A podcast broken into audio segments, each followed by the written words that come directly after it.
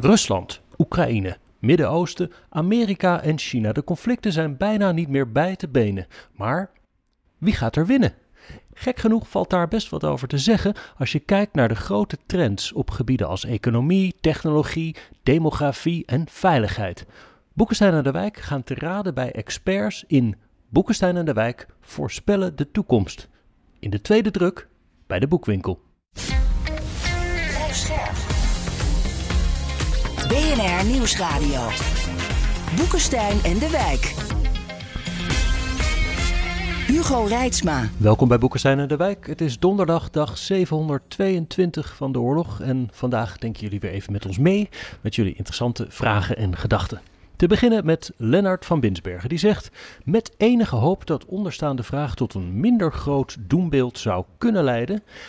In hoeverre kan Rusland een totale overwinning bereiken in Oekraïne en het land blijvend bezet houden? Hoe groot moet een Russische troepenmacht dan zijn om zo'n groot land met zo'n bevolking te bezetten? Rekening houdend met verzet, met een guerrilla en zouden ze dat dan ook eh, thuis kunnen blijven verkopen? nou, ik vind het een hele goede vraag. Stel je nou eens voor dat, dat, Rusland erin slaagt om door te breken. Hè? En nog een, een, een strip land erbij eh, te doen. Of, of de hele Donetsk gebied hè, en Lugansk, weet je wel dan is het natuurlijk nog, ja. dan is het nog steeds zo dat de, dan kunnen de Oekraïners asymmetrisch gaan. Dan heb je dus de partizanenstrijd. Hè? En dan moeten de Russen alle bruggen beschermen, terwijl de partizanen hoeven er maar eentje uit te kiezen. Ja. Dus, het, dus de gekte van deze oorlog is ook dat het ongelooflijk lastig zal zijn om dat land onder controle te krijgen. Dus dat geeft dus maar weer aan dat als een uh, premier of een president wordt gedreven door een door een overspannen historische interpretatie. Hè? Dat dat leidt tot allerlei praktische problemen. Ja, en vervolgens stuurt hij zijn zonen allemaal de gehaktmolen in. Terwijl het, je kunt dat gebied niet blijvend beheersen, omdat je dan dus die partisanenstrijd krijgt en terrorisme. Dat is toch wel een droevige conclusie dit. Ja, nou ja, het kan natuurlijk wel, maar dan moet uh, de hele boel instorten in Oekraïne. Het leger moet instorten, dan moet uh, er... Uh, dan moet de regering opstappen, dan moet er een, een Ruslandvriendelijke regering komen. Ja, weet je, ik denk dat dat echt theorie is op dit ogenblik. Dat zie ik niet meer gebeuren. Dat was natuurlijk wel het idee toen die inmiddels, inmiddels bijna twee jaar geleden die aanval is begonnen. Dat was de denazificatie. Hij dacht van we worden met uh, toetertjes en vlaggen worden we onthangen door die Oekraïners, maar dat was een misrekening. Ja, dus dat, dat lukt niet meer. Dus in die zin uh, denk ik uh, dat deze oorlog uh, heel veel heeft bijgedragen aan het gevoel van het Oekraïners zijn. Hm. dat nemen ze ook niet meer af. Dus die, die denazificatie is denk ik buitengewoon lastig. Een ander punt, demilitarisering. Hmm, lijkt me ook op dit ogenblik heel erg lastig. Ook al wordt Oekraïne teruggedreven uit de Donbass, dat zou, dat zou maar zo kunnen. Eh, dan nog is het onmogelijk om met het aantal soldaten dat je nu hebt zonder een algemene mobilisatie af te kondigen, heel Oekraïne onder controle uh, te krijgen. Of het Oekraïnse leger moet helemaal instorten. Daar wordt natuurlijk op gehoopt, maar zolang er toch westerse steun blijft komen, is dat denk ik ook erg onwaarschijnlijk. Dus nee, ik denk niet dat dat kan. Nou ja, dan kom je bij het scenario terecht wat, wat Arendt Jan net zei. En zeker het scenario wat op dit ogenblik al zichtbaar is in de bezette gebieden, namelijk partisanenstrijk. En dat wordt ook officieel wordt dat, georganiseerd. Daar is ook een, een handleiding voor om dat te doen. dus ehm, ja, ik, ik, denk dat dat gewoon dus niet lukt. En ik denk dat dat ook gewoon de misrekening is van, van Poetin. En dat betekent gewoon dat hij moet tevreden zijn uiteindelijk met wat hij heeft. En dat zal hij waarschijnlijk ook wel gaan doen. En zou dat dus ook een, manier kunnen zijn waarop uh, uiteindelijk Poetin ook wel in zou kunnen zijn voor gesprekken, omdat hij zich realiseert dat hij, zelfs als hij kan doorbreken en een heel groot deel Oekraïne veroveren, dat, dat het dan nog geen houdbare situatie is?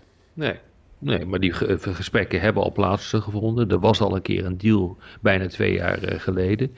En dat ging inderdaad ook uh, om het opgeven van de ambitie om ooit NAVO dan wel EU-lid te worden, maar vooral NAVO-lid te worden.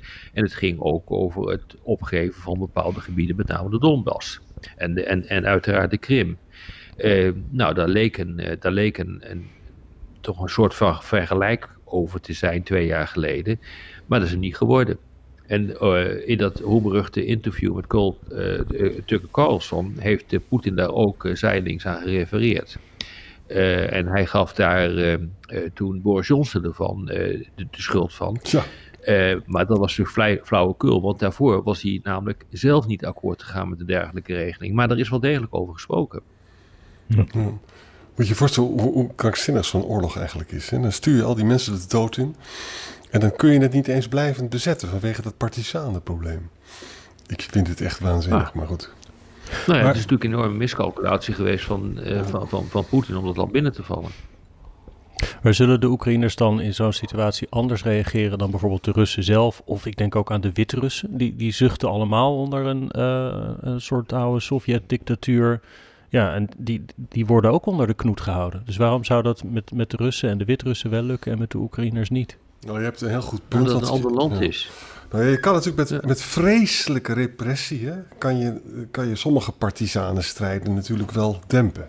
Dat is natuurlijk waar. Maar het lijkt me wel. Ver, maar wit, uh, Oekraïne is inderdaad heel anders dan Wit-Rusland. Wit-Rusland is eigenlijk. Je kan het niet vergelijken hoor. Ja, het is meer pro-Russisch. Die Lukashenko die zit daar al, uh, die zit al, al, al, god weet hoe lang. Mm -hmm. uh, het, is geen, het is een dictatuur. Het is uh, Oekraïne die heeft toch stappen gezet, behoorlijke stappen in de richting van de democratie. Dat is ja. echt een heel ander land geworden. En om zo'n land echt helemaal onder goed te krijgen, nou, dat is wel lastig hoor. En je kan zo zeggen, de Russisch-talige uh, meerderheid in, in het Donbass... Hè, die heeft ook de, door de vreselijke wandaden van Poetin in Mariupol... zijn is ook een beetje anders over Poetin gaan denken. Hè? Er zijn niet zo gek veel mensen meer in de Donbass... die Poetin een geweldige man vinden... omdat er gewoon zulke verschrikkelijke dingen gebeurd zijn. Eigenlijk heeft Poetin dus bijgedragen aan een ontstaan van de Oekraïense natiestaat en identiteit. Hè? Ja. Nou ja, die was al ontstaan, alleen had hij niet in de gaten. Dat is, de, dat is denk ik het, het, het hele punt. Hij had niet in de gaten hoe, eh, wat Oekraïne was eh, geworden uh, in de 30 jaar dat het uh, een onafhankelijke staat is geweest. Het heeft inderdaad een, een eigen identiteit uh, ontwikkeld. Ja, en dat, dat heeft hij gewoon niet willen zien. Ik denk dat dat echt een grote fout is geweest van, die, die, die Poetin is, heeft gemaakt. Ja. Interessante vond ik van Harry Wubbels. Die zegt: uh, het gaat de laatste tijd veel over die 2%-norm, uh, defensiebestedingen, vooral vanuit de Trump-kamp. Nou, ook in deze podcast. En natuurlijk, zegt Harry, moet Europa meer doen. Maar is het niet zo dat de VS eigenlijk gemakkelijk kunnen praten, aangezien de meeste spullen uit de VS komen. Dus Amerika besteedt dat geld in Amerika en Europa besteedt het in Amerika. Denk aan de F-35. Dus ik vraag me af hoeveel procent Amerika daadwerkelijk uitgeeft aan defensie wanneer je dat aspect meeneemt.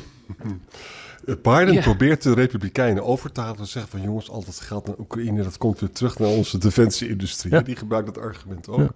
Kijk, de Amerikaanse defensieindustrie is natuurlijk echt heel erg sterk. Hè? Uh, en heeft ook een ongelofelijke lobby in, uh, in Washington. En omdat ze zo'n grote markt hebben en ook de hele wereldmarkt bedienen, hebben ze ook uh, schaalvoordelen. De Europese defensieindustrie is nog steeds helaas versnipperd. Hoewel er wel Frans, Duitse, Italiaanse en ook Spaanse samenwerking is. Hè. Maar dat zou dus veel sterker uh, moeten worden. Het zou heel gezond zijn als bijvoorbeeld de opvolger van de F-35 over 20, 30 jaar, hm. als dat bijvoorbeeld misschien een Europese uh, vliegtuig zou worden. Want het is absoluut waar dat al die winst van de F-35, dat gaat nu gewoon naar Lockheed toe. Hè? Mm -hmm. En zo zijn er natuurlijk andere voorbeelden. Patriots zijn, dacht ik, ook Amerikaanse wapens. Klopt dat, Rob? Ja, ja, zeker. Ja. ja. En die worden ja. natuurlijk wel geproduceerd. Nou, je, hebt, je, hebt, je hebt gelijk. Je hebt gelijk. Het, het meeste geld van die 60 miljard nu voor Oekraïne blijft, als dat door het huis heen komt, blijft ook inderdaad in Amerika. Ja. Ik, ik, ik volgens mij is 80% of zo. Het is echt ontzettend veel geld. En dus al, het zijn ook wa Amerikaanse wapensystemen die geleverd worden voor dat uh, geld. Dus ik, denk, ik, ik, vraag me ook iedere keer af, waar, waar maak je nou druk om? Ja. Uh, als je republikein bent, waar, waar, waar, nou ja, dat is gewoon pure ideologie dit volgens mij. Ja. Oké. Okay. Maar, maar realiseer dat het, die, die, afhankelijkheid blijft natuurlijk wel een tijd. Hè? Want die defensie-industriële basis van Oekraïne is nog lang niet opgebouwd. Nee. er is ook een martelgang om die op te bouwen in Europa. Maar in, in, in tijd van oorlog in Oekraïne is het helemaal lastig. Ja. Dus uh, de enige die op dit ogenblik dat kan, en ook grote zware wapensystemen kan produceren. Nou ja, die worden mondjesmaat ook wel in Europa uh, ge, uh, ge, geproduceerd. Maar de, de echte grote klap, die kan je alleen maar maken in Amerika. Dit overigens moet allemaal niet als een excuus gebruikt worden om minder dan 2% in Europa uit te geven. Want de Amerikanen geven meer dan 2% uit. Uh, maar het is zeker zo, je moet, moet, het zien als een aanmoediging om echt de Europese defensieindustrie te versterken ja. en meer te laten samenwerken. Ja. Maar als je dus kijkt naar die 2%-norm, dan kan je dus zeggen, hè, Nederland zit daar net onder, maar dat is wel geld dat echt wordt uitgegeven, vooral in Amerika. Volgens mij zit Amerika op iets van 3%, maar dat wordt voor het grootste deel binnenlands besteed. Dus dan doet Amerika eigenlijk helemaal niet zoveel meer dan bijvoorbeeld Nederland in percentage van het BBP dat daadwerkelijk verdwijnt. Nou, je moet wel een onderscheid maken tussen wat Amerika doet en wat een land als Nederland doet. Amerika heeft een mondiale uh, verantwoordelijkheid, althans dat vinden ze natuurlijk zelf. Uh, dat betekent dat ze overal in de wereld troepen hebben zitten. Uh, ze moeten hun geld verdelen over Azië en over Europa en nog wat plekken. Dus het is echt een totaal ander verhaal. Dat je dus dan meer aan defensie uitsteedt, uitbesteedt, aan, besteedt, is natuurlijk volstrekt logisch. En daar zit dus ook het hele punt in. Je kunt dus niet zeggen van wij eh, besteden 3, 4 procent aan uh, defensie en jullie maar, maar, maar, maar anderhalve, 2 procent. Nee, uh, het, het, je, je, moet, je moet kijken waar je dat geld aan uit moet geven. En de verantwoordelijkheden van Amerika liggen anders. En als je gewoon kijkt wat er uh, besteed wordt aan Europa, nou, dan is dat redelijk in evenwicht hoor, met wat de Europeanen doen. Ja. Oké. Maar, maar, je zou kunnen zeggen, er gaat een groter percentage van de Amerikaanse begroting naar defensie dan in Nederland. Hè? En het geld gaat naar de aandeelhouders van Lockheed. Hè? Dus zo, kan je er ook naar kijken. En er wordt weer belasting over gegeven. Komt, het komt ook voor een groot deel gewoon weer terug. Ja, maar dat is altijd zo. Dat, ja, weet je, het zijn privébedrijven. Het, er is geen nationale of genationaliseerde defensieindustrie, dat bestaat helemaal niet. Het zijn allemaal privébedrijven. Ja, weet je, die, ja, die willen natuurlijk ook aan verdienen. Ja, ja. Goed, en uh, Harry had nog even een tweede vraagje wat hij erbij smokkelde. Over Mark Rutte, zegt hij, hè, dus uh, als, als mogelijk toekomstig secretaris-generaal van de NAVO. Nou, in, in eerdere podcast zeggen wij altijd uh, van Rutte die heeft geen visie en zo. En hij vraagt, zou dat bij de NAVO wel het geval zijn? Krijgt Rutte dan ineens wel visie op dat onderwerp? Of is het daar niet zo noodzakelijk, omdat grote NAVO-landen toch wel de dienst uitmaken en zo'n secretaris-generaal misschien geen visie nodig heeft? In de eerste plaats, de NAVO is een intergouvernementele organisatie. Hè? Dus het, de, de NAVO-secretaris-generaal is bepaald geen dictator, moet, moet constant kijken naar de lidstaten en met name naar de hele grote lidstaten, waar Amerika natuurlijk het belangrijkste is, tenzij Trump uh, wordt verkozen. Nou, op zichzelf genomen is het dus helemaal niet nodig dat een secretaris-generaal een visie heeft. Het zou hem zelfs in de, in de weg kunnen zitten, want dat wordt hmm. uitgekristalliseerd door die bestaande krachtsverhoudingen Ehm, eh, binnen de NAVO zelf. Het zou zelfs zo zijn dat als, hij, als Rutte geplaagd zou worden door een visie, hè, dan, uh, ja, dan komt, kan hij heel gauw op ramkoers komen met een soort consensusstandpunt van de grote lidstaten. Hm. Dus ik denk dat we daar misschien Rutte ook niet al te hard over moeten vallen. Nee, kijk, Rutte is uitermate geschikt in het bij elkaar houden van de boel om allerlei compromissen uit te, onderhandelen. Is er uitermate pragmatisch uh, in, uh, is ook niet al te ideologisch gedreven. Ik denk dat dat ideaal is ja. voor secretaris-generaal van de NAVO. Want in, het is inderdaad zo. Ja, uiteindelijk bepaalt Amerika. Ja. En dus ja, dan kan Rutte wel een visie hebben. Maar, maar, maar doet het ertoe? Ik denk het niet. Ja. En, en het oliemannetje is ook zo belangrijk. Hè? Je moet allemaal dingen wegmasseren. Als je nou toch Rutte vergelijkt. Kijk, Wilders is iemand die beledigt iedereen. Hè? Die denkt dat dat verstandig is. Rutte die probeert mensen bij elkaar te brengen. Omdat het, alles is verdeeld in ons land. Maar ook in de NAVO zijn er enorme grote verschillen. Dus hij, hij zou een uitstekende secretaris-generaal zijn. Zonder enige twijfel. Ja, denk ik ook hoor. Ja. Oké. Dan had ik nog een vraag van Wick, die ik eerlijk gezegd niet helemaal begreep, maar dat, dat geeft niet, want ik hoef hem alleen maar op te lezen. Hij gaat als volgt. Um, is, vraagt Wick, wat we nu allemaal zien gebeuren in de wereld het gevolg van een goed werkende democratie? Ik bedoel, is het succes van een democratie zijn eigen potentiële ondergang? Nou, ik denk dat ik begrijp wat hij bedoelt. Hm. Uh, wat, eh, de eerste vraag is natuurlijk, wat is wat we nu zien? Dus wat is dit? Ja. Uh, ik denk dat hij, dat hij bedoelt, uh, al die oorlogen die op dit ogenblik worden gevoerd. Hm. De, de, het gemak om uh, voldoende militaire steun te verlenen ah, ja. vanuit, ja. vanuit het Westen, Amerika, maar ook uit Europa. We doen ons best, maar het gaat allemaal heel erg traag, want we hebben niet zoveel. Ja, weet je, hij heeft natuurlijk wel in belangrijke mate gelijk. Dit is wat democratieën doen. Hm. En democratie is geen dictatuur. Uh, daar zit dus niet een of andere baas uh, die zegt van uh, nou gaan we met z'n allen oorlog voeren of juist niet. Maar een dictatuur is altijd, sorry, een democratie is altijd reactief. En dat is precies wat we zien. Dus, een, een, een, dus in, in een status quo situatie, als er niks verandert en als het gewoon allemaal lekker loopt in de wereld, hier en daar is een crisisje, wat we de afgelopen 30 jaar hebben gezien, dan is het geen, geen probleem. Dat is business as usual. Dan kom je uit die kleine probleempjes kom je wel uit. Maar waar je niet goed uitkomt, is wanneer je een uh, gezamenlijk binnen de NAVO, binnen de Europese Unie een antwoord moet geven op bijvoorbeeld de opkomst van China. Of op een oorlog in Europa. Of op een oorlog in het Midden-Oosten. Daar kunnen we niet zo goed. En dat heeft onder andere te maken eh, met het feit ja, dat we democratieën zijn. Iedereen vindt er wat van. En dat betekent dat de besluitvorming ontzettend uh, uh, traag gaat. En als je niet uitkijkt, dan ga je gewoon onderuit. Hè? Want het is ook democratisch besloten om, om de defensieuitgaven gedurende uh, meerdere decennia uh, compleet uit te kleden. Nou ja, je krijgt dus nu de rekening daarvan gepresenteerd. Je kan het mooi zien als je. Rusland is overgegaan uh, op, een oorlogseconomie. Hè? Wordt gewoon autocratisch besloten. Je, verder moet je gewoon je bek houden. en, er moeten meer raketten komen. Hè? En, en, en, meer gepantserde voertuigen en, en meer munitie. Nou, daar, daar zijn autocratieën natuurlijk beter in. Bij ons is het zo, ja, we, we, begrijpen dus nu, oh jeetje, Trump komt terug, we moeten dat nu eigenlijk ook doen. Maar er zijn ook mensen in het parlement die zeggen, ja, maar zorg en onderwijs zijn ook vreselijk belangrijk. En die hebben natuurlijk gelijk. Ja. En, en we hebben een verzorgingsstaat. En een verzorgingsstaat is een hele dure hobby. Dus met andere woorden, omdat wij een veel evenwichtiger agenda hebben, waarbij defensie eigenlijk bijna altijd per definitie het kind van de rekening is zijn we dus in een situatie waarbij je dus echt alles op alles moet zetten om Poetin in de toekomst tegen te houden, hebben we gewoon een nadeel. Omdat er gewoon te veel mensen in Europa zijn die zeggen van ja, ik kan me toch niet zo goed geloven dat Poetin het allemaal gaat doen. Uh, en, uh, en Defensie moet toch ook wel zijn plaats kennen. Bovendien bommen vind ik eigenlijk slecht. Er zijn te veel mensen die dat denken.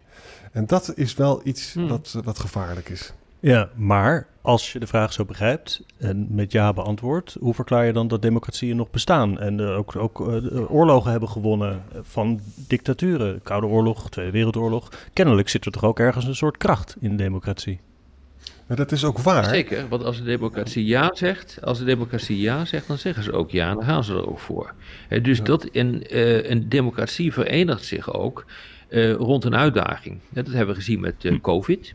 Toen in enkel op ongelooflijk snel allerlei vaccins konden worden ontwikkeld. En die binnen no time in de markt kunnen worden gezet. is echt, als er echt wat aan de hand is, dan wordt er gewoon gereageerd. En nu met de dreiging uit het oosten zie je precies hetzelfde gebeuren. Dus in één klap uh, wordt er werk gemaakt van defensieuitgaven. In één klap is het mogelijk om iets, uh, om vordering te maken op uh, het gebied van de defensieindustrie. Dingen die voorheen niet mogelijk waren, gebeuren nu. Het gaat naar mijn smaak ook nog niet lang, nog niet snel genoeg, maar het gebeurt wel.